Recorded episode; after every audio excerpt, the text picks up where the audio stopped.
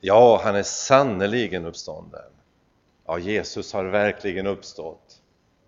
Men jag fick ett svar som chockerade mig lite grann.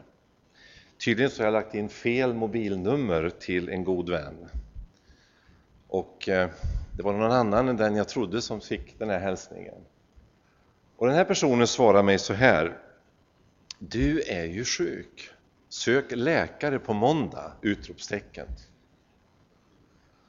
Och det var lite märkligt ungefär vid tolvslaget påsk, påskafton att få en sån hälsning när jag förväntade mig att personen i fråga skulle ha sagt ja, han är verkligen uppstånden. Men den kanske säger någonting om vår situation i vårt land. Att människor uppfattar tanken och tron att Jesus Kristus har uppstått. Att Fadern i sin godhet har försonat världen och låtit livet segra. Det liv som han av evighet bär och som den heliga Ande berör sina barn, sina får, det är den gode herdens söndag, sin kyrka med dag efter dag, att Jesus är verkligen uppstånden. Synden, döden, djävulen och vårt eget kött är besegrat och livet har trätt fram i härlighet. Och vi bär ett evigt hopp.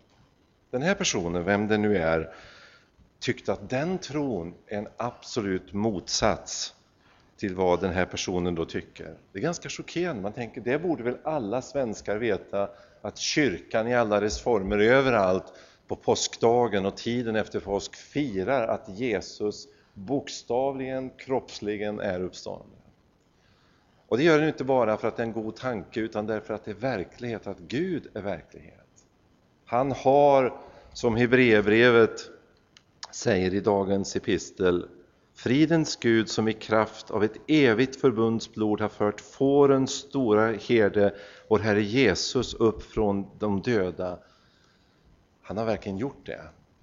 Och synden är besegrad. Den som kommer i tro fram till Jesus Kristus kommer att möta nytt liv och det föds en tacksamhet och det föds en insikt om att synden är inte det sista ordet, döden är inte det sista ordet, utan livet är det verkliga ordet som råder över skapelsen och över varje individ. Och det är den tron som vi nu ska bekänna vår synd.